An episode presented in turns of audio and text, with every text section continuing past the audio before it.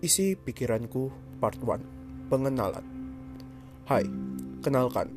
Aku merupakan seorang manusia yang selalu ingin bertanya dan mencari jawaban.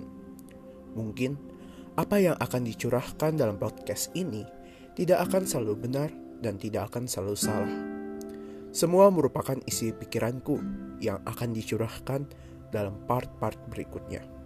Semoga kalian dapat menikmati.